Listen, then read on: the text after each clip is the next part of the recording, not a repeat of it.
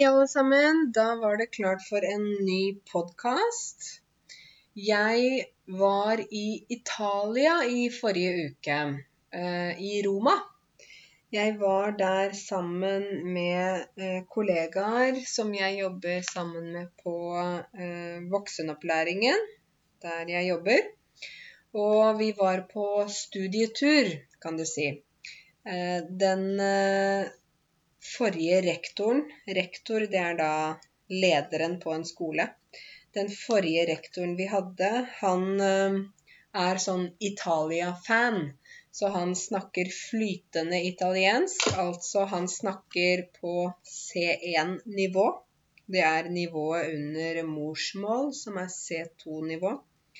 Eh, og han har vært i Italia veldig mange ganger. Han har kanskje vært i Roma 40 ganger. Eh, men nå er han pensjonist. Han ble pensjonist i desember. Men han sa at han gjerne ville reise til Italia med alle lærerne på skolen. Eh, og ja, at vi hadde en tur, og vi skulle lære om Italias historie, altså um, Romerriket, ikke sant, for veldig, veldig mange år siden. 2000 år siden. Og så skulle vi også besøke noen eh, sentre for eh, folk som jobber eh, med flyktninger, som er i Italia. Italia har jo fått utrolig mange flyktninger som har kommet over Middelhavet. Sjøveien kaller vi det, altså de har kommet med båt. Og det er jo sånn at vi har eh, noe som heter Dublin-avtalen. Dublin-avtalen er en avtale eller en kontrakt som ble signert, eh, som handler om eh, flyktninger. Den sier at det første landet du kommer til når du kommer inn i Europa, det første landet altså der du blir registrert, der må du bo. Uh, og det er jo veldig mange som har kommet til Italia, og som har blitt registrert i Italia. Uh, og da er Dublin-avtalen slik at da må du bo i Italia. Da kan du f.eks. ikke reise videre til Norge og få opphold i Norge, fordi du da er registrert i Italia. Um, før var det slik at uh, mange flyktninger eh, de uh, hadde ikke lyst til å bli registrert i Italia fordi um, vilkårene eller situasjonen der er dårlig. Italia har ikke penger til å f.eks. gi introduksjonsprogram, slik som flyktninger får her i Norge. de har veldig mange flyktninger. Så det betyr at det er vanskelig å finne bolig, det er vanskelig å finne jobb eh, osv. Så, videre. så derfor var det slik før, altså vi snakker om to-tre år tilbake, så ville ikke flyktningene bli registrert i Italia. Men nå har situasjonen endret seg. Eh, nå har det jo blitt mye strengere rundt om i Europa når det gjelder innvandringspolitikk generelt. Og da er det mange nå som tenker at ok, greit, jeg kan registrere meg i Italia og, og prøve å skape et liv i Italia. Um, når vi var i Roma, så var vi innom uh, to sentre, dagsentre for uh, flyktninger som uh, bor på gata i Roma. De er altså hjemløse Hjemløs betyr at du ikke har et hjem, ikke har et hus. Eh, og disse flyktningene pleide da å komme til disse sentrene eh, hver dag eh, for å spise. Da fikk de gratis mat. Så kunne de kanskje ta en dusj. De kunne lade telefonene sine. De kunne få eh, sjekk av lege hvis de trengte det. De kunne f.eks. spille bordtennis, spille sjakk eller andre spill. De kunne få noen sånne italienske eh, timer. Eh, de hadde noen prosjekter med forskjellige ting, men i Italia er ikke situasjonen sånn som i Norge. Naturligvis. Fordi når det er så mange, så er det veldig vanskelig å gi et godt tilbud til så mange. Så øh, vi ble fortalt at veldig mange eh, flyktninger bor på gata. De er hjemløse. Og prøver bare å leve fra dag til dag. Vi sier på norsk de lever fra hånd til munn. Ikke sant? Det du får i hånda, hvis du får mat i hånda, så putter du det i munnen men du har ikke mer mat enn akkurat det som er foran deg. Um, så det var ganske um, Litt vanskelig å se, syns jeg, at folk har det sånn. Jeg så at de ikke hadde det lett. Uh, da vi var innom der, så kunne vi selvfølgelig ikke ta bilder, for dette er jo mennesker i en vanskelig livssituasjon, så man skal ikke ta bilder av dem, men jeg husker bildene i hodet mitt at det var folk som satt rundt på stoler. Dette var nede i kjellere. Eh, lufta var dårlig. De satt rundt på stoler. Noen uh, sov. De var slitne, ikke sant. Du er sliten når du bor på gata, ikke har et trygt hjem. Du må hele tiden prøve å finne et nytt sted å sove, og det er veldig vanskelig. Så vi kunne tydelig se at disse menneskene eh, hadde det tøft. Um, det var eh, jesuittkirker. Det er, altså, det er en, en, form for kristendom som eh, jobber veldig mye med flyktninger og har startet mange sånne dagsentre. Eh, og de baserer all aktivitet på frivillighet. Frivillighet betyr at man gjør noe uten å få lønn. Så alle som var der, alle som jobbet der, de var frivillige. Lærerne som hadde italienskkurs, var frivillige. De fikk ikke lønn. Kokkene som lagde mat, var frivillige, som da kom og lagde mat, osv. Um, og jeg vil jo si at folk er jo veldig snille, som hjelper uh, hverandre. De fortalte oss at eh, de hadde disse dagsentrene i kjelleren eh, av det bygget der de var. De kunne ikke ha disse dagsentrene i første etasje med vinduer slik at folk så. Eh, fordi det har begynt å bli en del folk i Italia som eh, eh har begynt å bli veldig kritiske til flyktninger. Og hvis disse dagsentrene lå i første etasje, så ville det, de få problemer. Eh, de hadde før opplevd at noen hadde kastet stein inn i vinduet. At noen hadde tagget på vinduet. Tagge med sånn spray, ikke sant. Skrive noe med spray. Stygge ord osv. Um, de hadde opplevd at noen forsøkte å tenne på, eller altså brenne, brenne dette senteret. Så de måtte rett og slett være i kjelleren. Og de sa at um, i Italia så er det sånn at uh, når noe er ute av syne, det betyr at vi ikke kan se det, da er det også ute av sinn. Ute av uh, tankene. Ute av syne, ute av sinn. Det er et sånn um, uttrykk som vi har. Det vi ikke kan se, det tenker vi ikke på.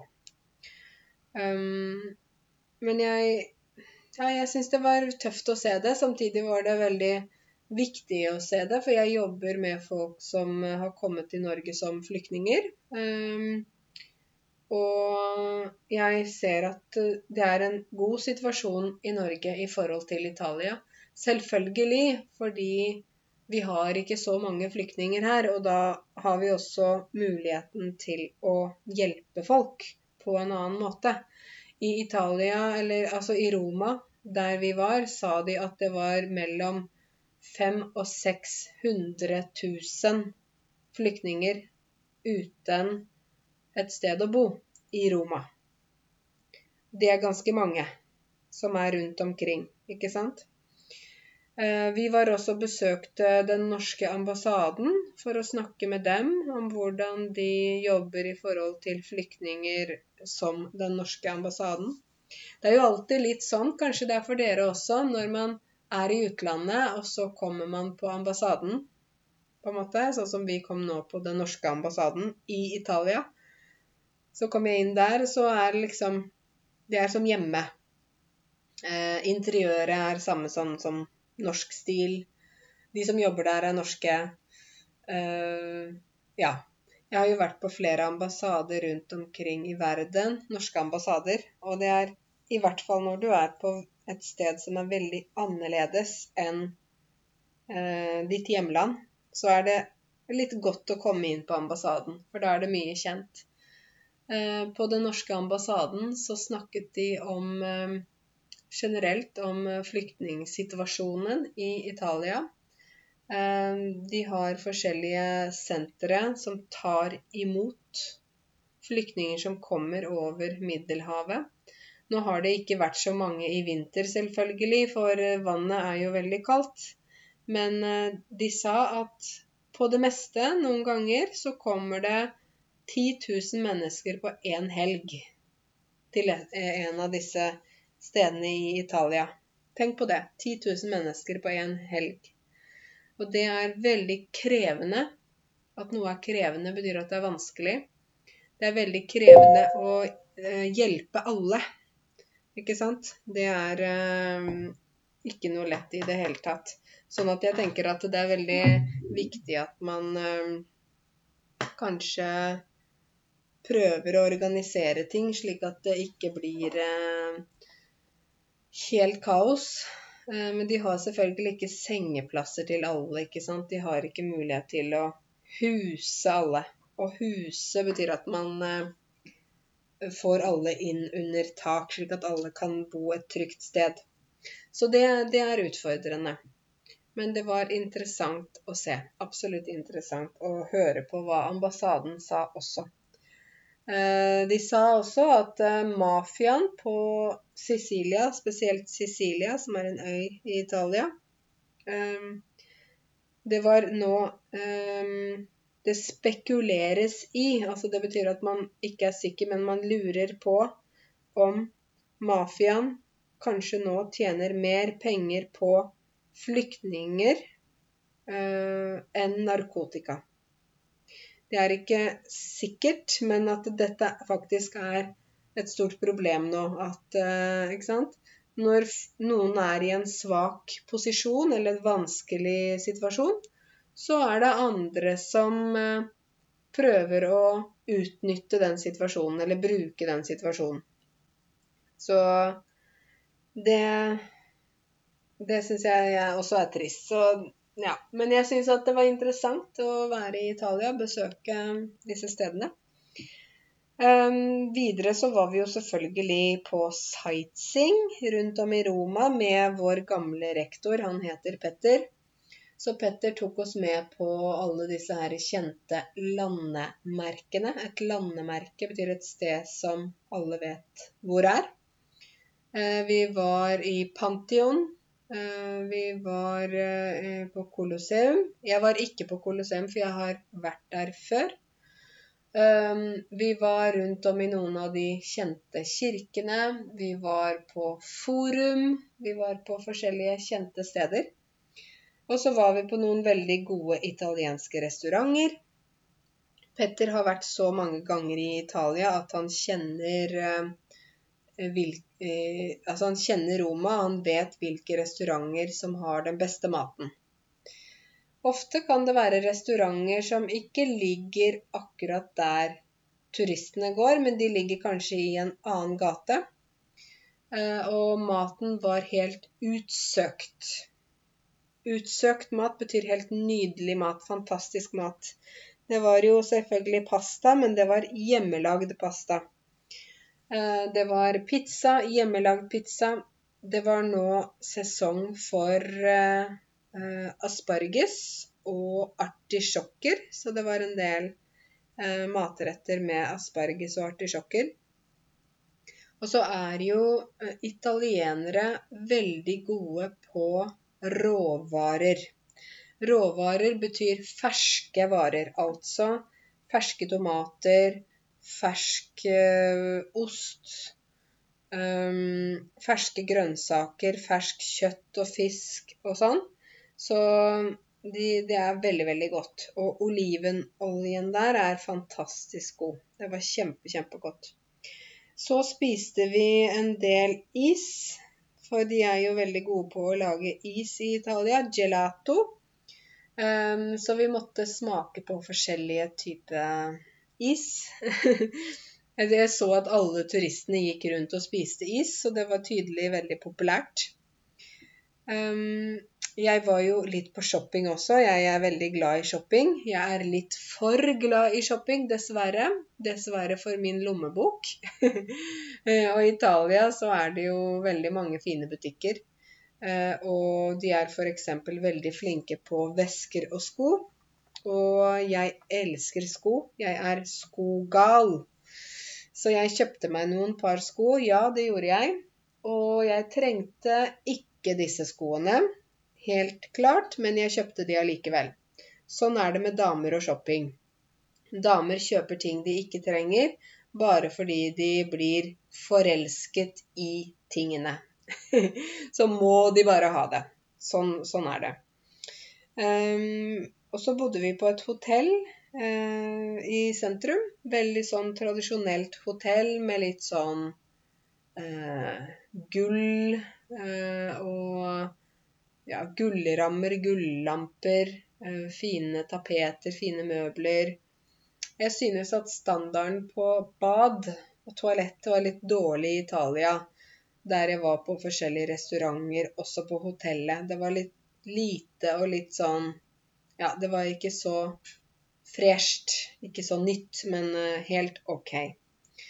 Um, så det er alltid fint å kunne reise på turer. Jeg syns det var hyggelig å reise på turer sammen med uh, kollegaene. Når man reiser på sånne turer sammen med kollegaer, så blir man jo også bedre kjent. For man eh, kommer litt vekk fra arbeidsplassen. Å komme vekk betyr at man kommer bort. Man går eh, unna der man er, der man pleier å være. Man går vekk fra arbeidsplassen og vekk fra de vanlige rutinene, og så er man i en annen setting. Setting er jo et engelsk ord. Um, vi kan si at man også er en, i en annen situasjon. Vi bruker jo en del engelske ord i norsk. Uh, noen ganger så gjør vi uh, ordene på en måte norske. Sånn som f.eks. at vi sier OK istedenfor OK. Ikke sant? Uh, at noen ganger så sier vi yes med sånn lang S hvis vi er veldig glad eller fornøyd med noe. Det er sånn hvis ser, nordmenn ser på fotballkamp, og hvis favorittlaget scorer Altså score er for øvrig også et engelsk ord. Så blir de veldig da glad, og så hopper de opp og sier 'yes'! Men det er jo engelsk ord. Så um, vi har en del engelsk i norsk, da, som også er fornorsket eller gjort til en norsk uh, vri. Um, så dere som ikke har vært i Italia, dra en tur til Roma. Det er veldig fint. Det er jo en veldig romantisk by. Det jeg ikke likte, var at det var utrolig mange turister og veldig mange skoleklasser med elever. Det var litt slitsomt, for det var så fullt overalt. Eh, men jeg forstår jo at mange vil reise dit også, for det er jo veldig vakkert. ikke sant? Mange vakre kirker og mange fine bygg og gamle gater, gamle steder. Så det er mye å se. Eh, så kom vi da tilbake lørdag kveld. Da skulle jeg eh, ta bussen eh, fra Gardermoen til jobben fordi bilen min sto der. Og da var jeg så sliten og trøtt og hadde kofferter og masse tull. Og så kom ikke bussen før om en halvtime. Og da var det faktisk første gang jeg tok taxi fra Gardermoen til jobben min, som er, ligger nesten i Oslo. Det ble ikke billig, så det skal jeg ikke gjøre igjen. Taxi i Norge er jo utrolig dyrt. Det er helt sjokkerende dyrt. Og når man også tar taxi på kvelden, så blir det enda dyrere. Dessverre. Så ja, sånn er det bare. Og nå er jeg tilbake Jeg har vært tilbake da hele uka her. Ehm, på mandag så var jeg på noe veldig fint i Drammen. Jeg ble invitert til noe som heter Give a job, altså gi en jobb. Det er da en um, sånn frivillig organisasjon som er startet av Aimon Shakura, tror jeg han het. Um, han kom selv til Norge som flyktning da han var elleve år, tror jeg det var. Så han har vært i Norge lenge. Og han startet denne um, organisasjonen for å prøve å ha en arena, et sted der uh, flyktninger, spesielt flyktninger, kan møte arbeidsgivere. Uh, han sa at ja, vi må få norske bedrifter til å åpne opp for å ansette de med rart navn. Og det høres jo litt sånn rart ut å si det. Men med rart navn så mener han jo da annerledes navn. For dessverre så er det sånn i Norge Jeg tror det er Ja, det er fortsatt sånn. Ikke alle steder, selvfølgelig.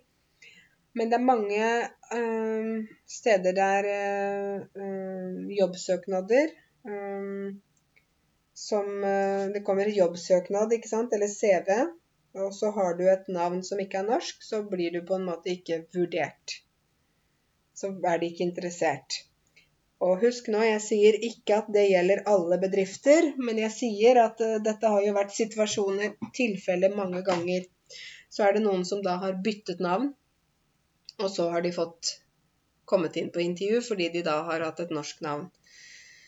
Så han Ayman han sa det at vi må få bedrifter til å snakke med innvandrere. Bli kjent med innvandrere, ikke bare se på en CV på et papir, men møte menneskene.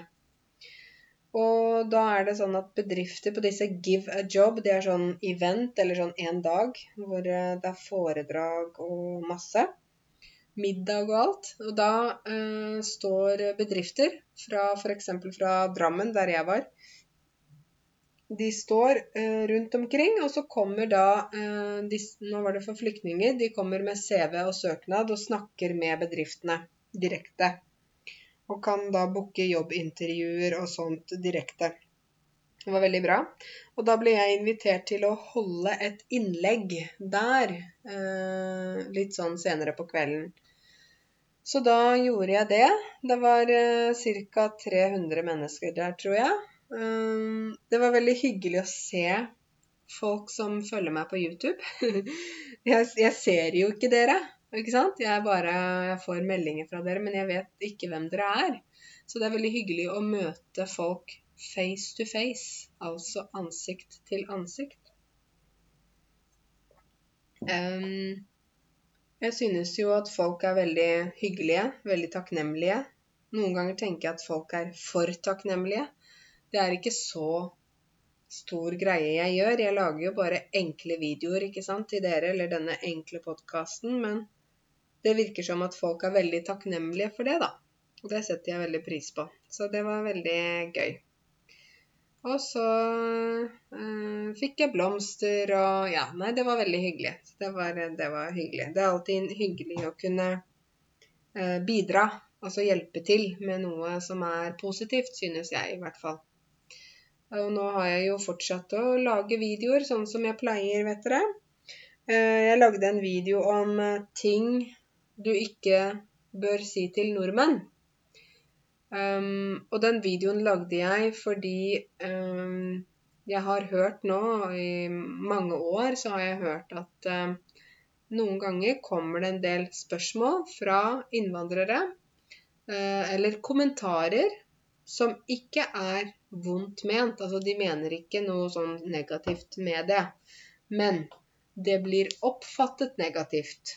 Å oppfatte noe betyr hvordan man ser noe, eller hvordan man eh, liksom forstår noe. Uh, og da lagde jeg denne videoen hvor jeg snakket om bl.a. at uh, man ikke bør kommentere kropp, f.eks. Når det gjelder nordmenn. Man bør ikke si 'oi, du er tjukk', eller 'oi, du er tynn', eller 'så høy du er', eller 'så liten du er', eller, eller 'du ser sliten ut', eller 'du ser syk ut'. Sånne ting bør man ikke si. I tillegg så er det ikke, heller ikke så lurt å si med en gang sånn Er du gift? Har du barn? Hvorfor har du ikke barn? Hvorfor er du ikke gift? Er du alene? Hvorfor er du alene? Sånne type spørsmål.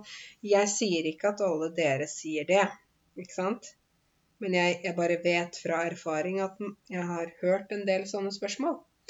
Og så er det sånn Etter den videoen så kommenterte en del folk hva kan vi snakke med nordmenn om, da, hvis vi ikke kan spørre om familie, og vi kan ikke si noe om hvordan de ser ut? Hva kan vi si? Og da lagde jeg en video om hva vi kan si, eller hva som er vanlig å snakke om første gangen man møter eh, folk her i Norge, eller altså sånn som mange av nordmenn snakker til hverandre, da. Det betyr jo ikke at dere må gjøre akkurat sånn som nordmenn gjør, men det kan i hvert fall være lurt å være litt sånn bevisst, eller ha litt fokus på hva man snakker om i begynnelsen. Men en ting jeg opplever på sosiale medier, på YouTube, på Facebook, sånn som jeg ser generelt, noen ganger her på podkasten også, det er at folk er veldig hårsåre. Å være hårsår eh, Du vet eh, håret ditt, ikke sant? Hvis noen tar og lugger deg, altså drar i håret ditt Au, au, au, ikke sant? Med håret. Eh, noen er veldig hårsåre. Det betyr at de, de merker med en gang Hvis jeg tar litt i håret ditt, så kjenner du au. Andre er ikke hårsåre. De kjenner ikke så fort hvis noen drar i håret. Um, men dette med at folk er hårsåre, eller at folk er veldig sensitive på ting på nettet, det føler jeg at det har blitt sånn i samfunnet vårt. At folk um, sitter og på en måte litt sånn venter på å kritisere noen ganger. Venter på å kommentere. 'Hvorfor sier du det?' 'Hva er dette her?' 'Du kan ikke kommentere det.' Eller 'Det du sier er feil, det er ikke riktig'. og jeg, jeg har opplevd sånn eh, flere ganger i løpet av min tid nå, som jeg har holdt på i over et år. Det kan være videoer på YouTube. Det kan være noen som sier 'Jeg er ikke enig i det du sier er feil'.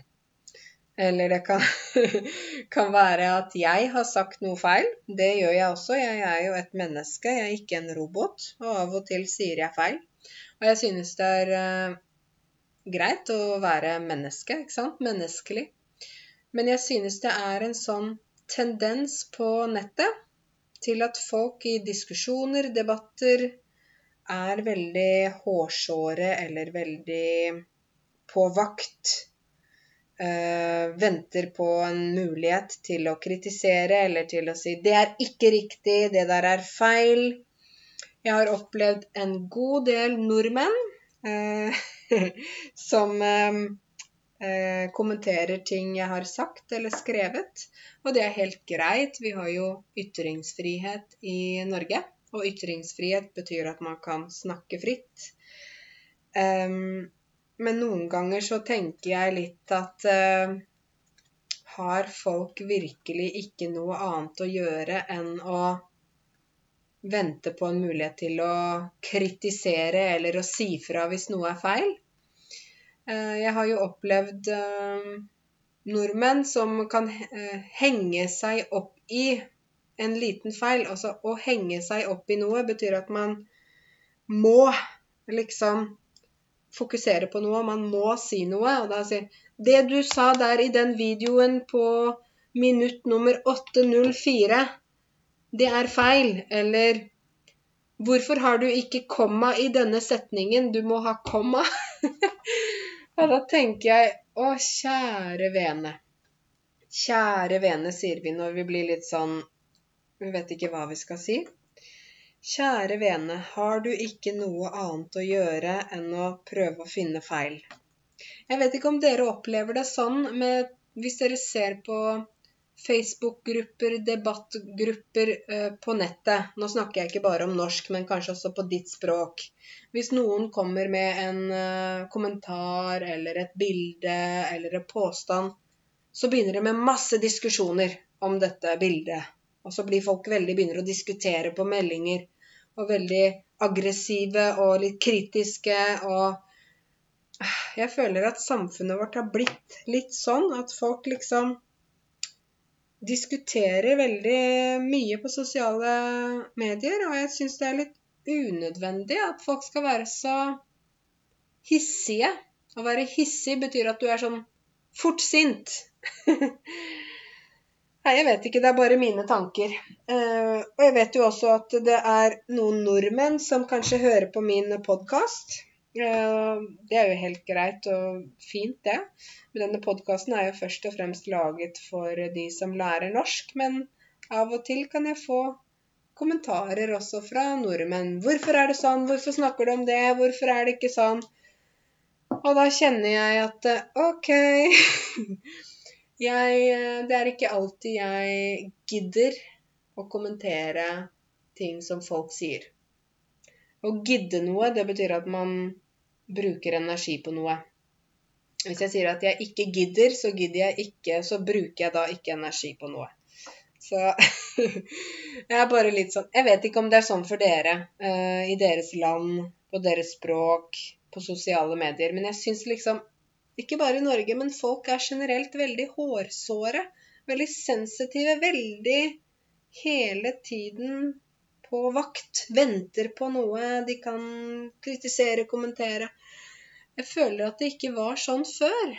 Men det handler jo også om at vi nå har sosiale medier som vi ikke hadde før, da.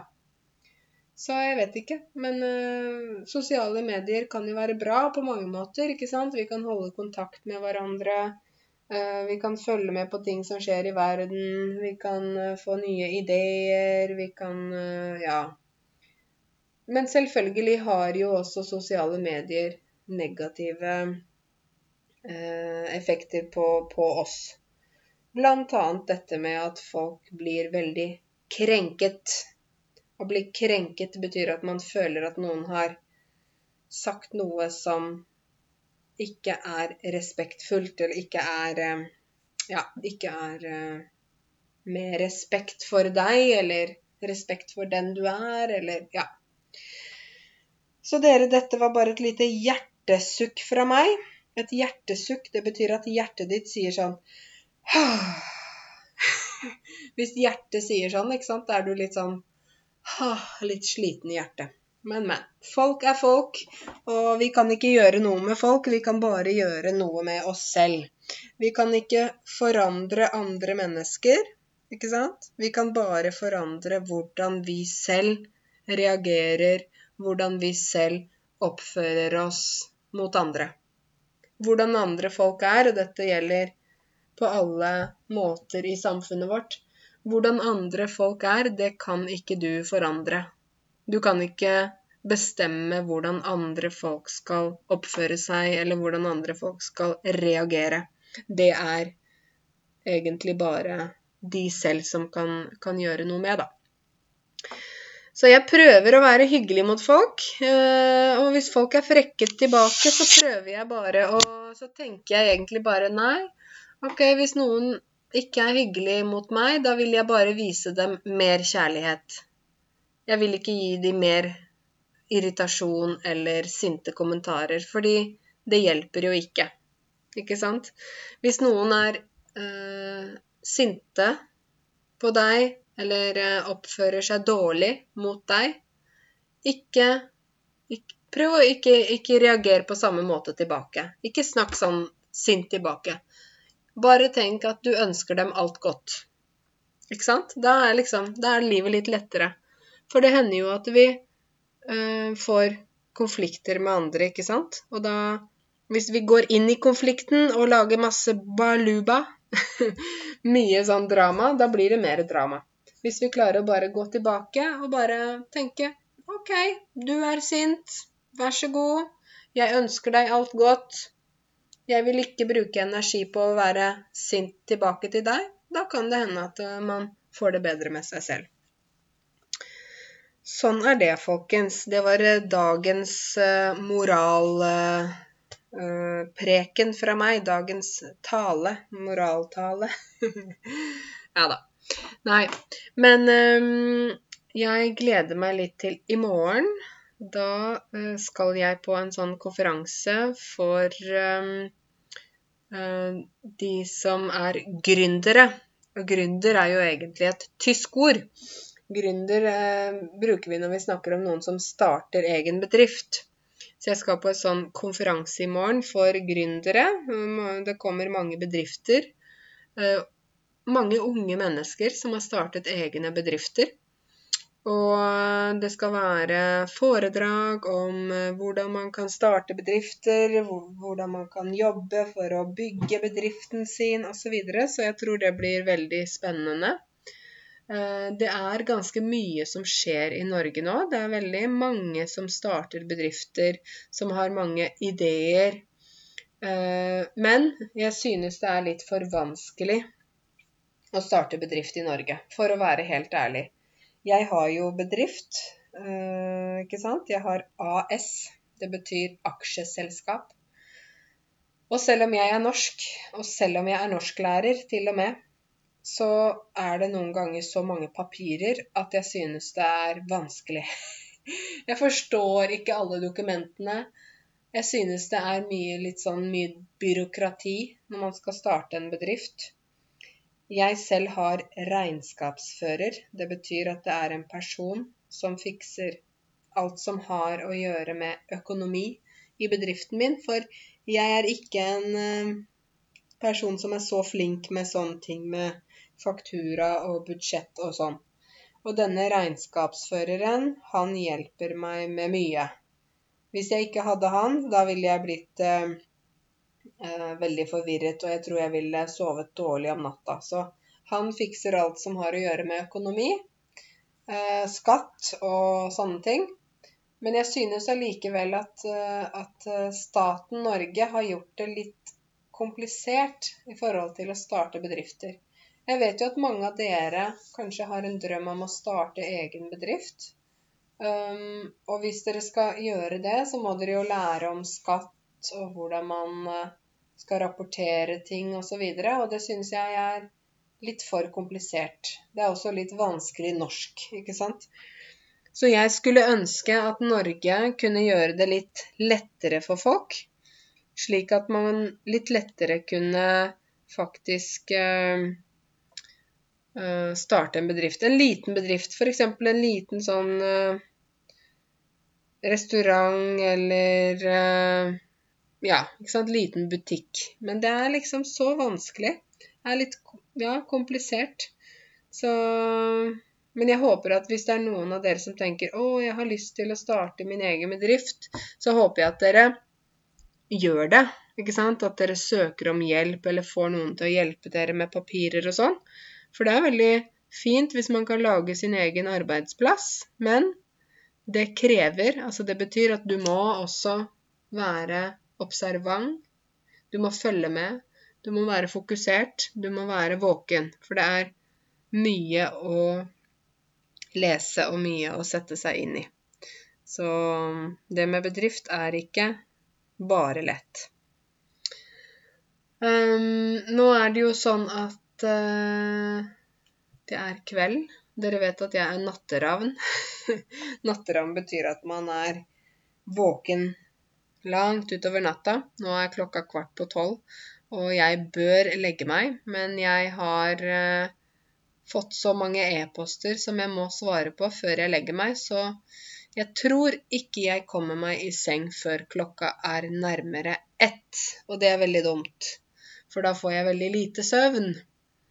Uh, og jeg har jo i en video før snakket om A-mennesker og B-mennesker og noen er en miks, blanding av A- og B-mennesker. Jeg er B-menneske egentlig, og det betyr at jeg legger meg seint og står opp seint hvis jeg kan. Problemet er at jeg ikke kan stå opp seint i ukedagene mandag til fredag. Og da legger jeg meg seint, sånn som i dag kommer jeg til å legge meg klokka ett på natta, tror jeg. Og så må jeg opp klokka syv, og da har jeg bare sovet seks timer. Så det er jo altfor lite. Men, men. Sånn er det når man er B-menneske og holder seg eh, våken for lenge og allikevel vet at uh, morgendagen kommer og alarmen ringer klokka syv. Så dere, nå skal eh, jeg som er B-menneske prøve å skrive de siste e-postene, og så skal jeg legge meg. Jeg håper at dere alle får en fin helg, og at dere får vært litt ute i solskinnet, for nå kommer våren. OK, ha det bra alle sammen.